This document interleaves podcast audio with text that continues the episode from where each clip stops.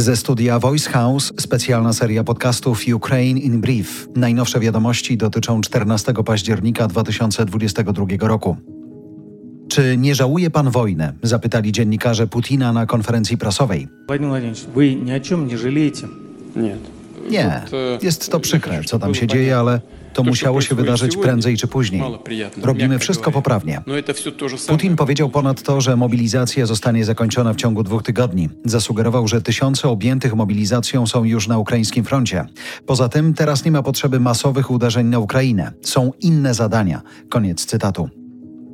Siły zbrojne Ukrainy twierdzą, że odbiły z rąk Rosjan 1620 miejscowości. Zastępca szefa kancelarii prezydenta Zełańskiego mówił o tym w Dniu Obrońców Ukrainy.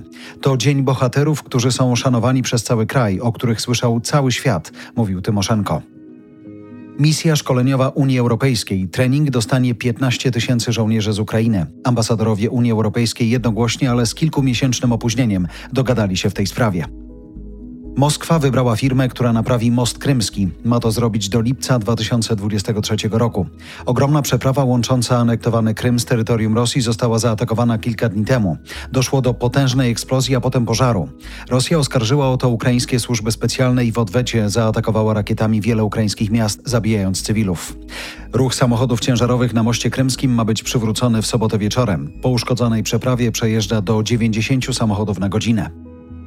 Co robią Ukraińcy w czasie rosyjskich nalotów? 37% badanych przechodzi do bezpiecznego miejsca w budynku, 36% pozostaje na swoich miejscach, 11% schodzi do piwnicy albo na parking podziemny, 8% chowa się w schronach, tyle samo wychodzi na zewnątrz budynku. To badanie dla portalu Suspilne, które cytuje Rzeczpospolita. To było Ukraine in Brief od Voice House.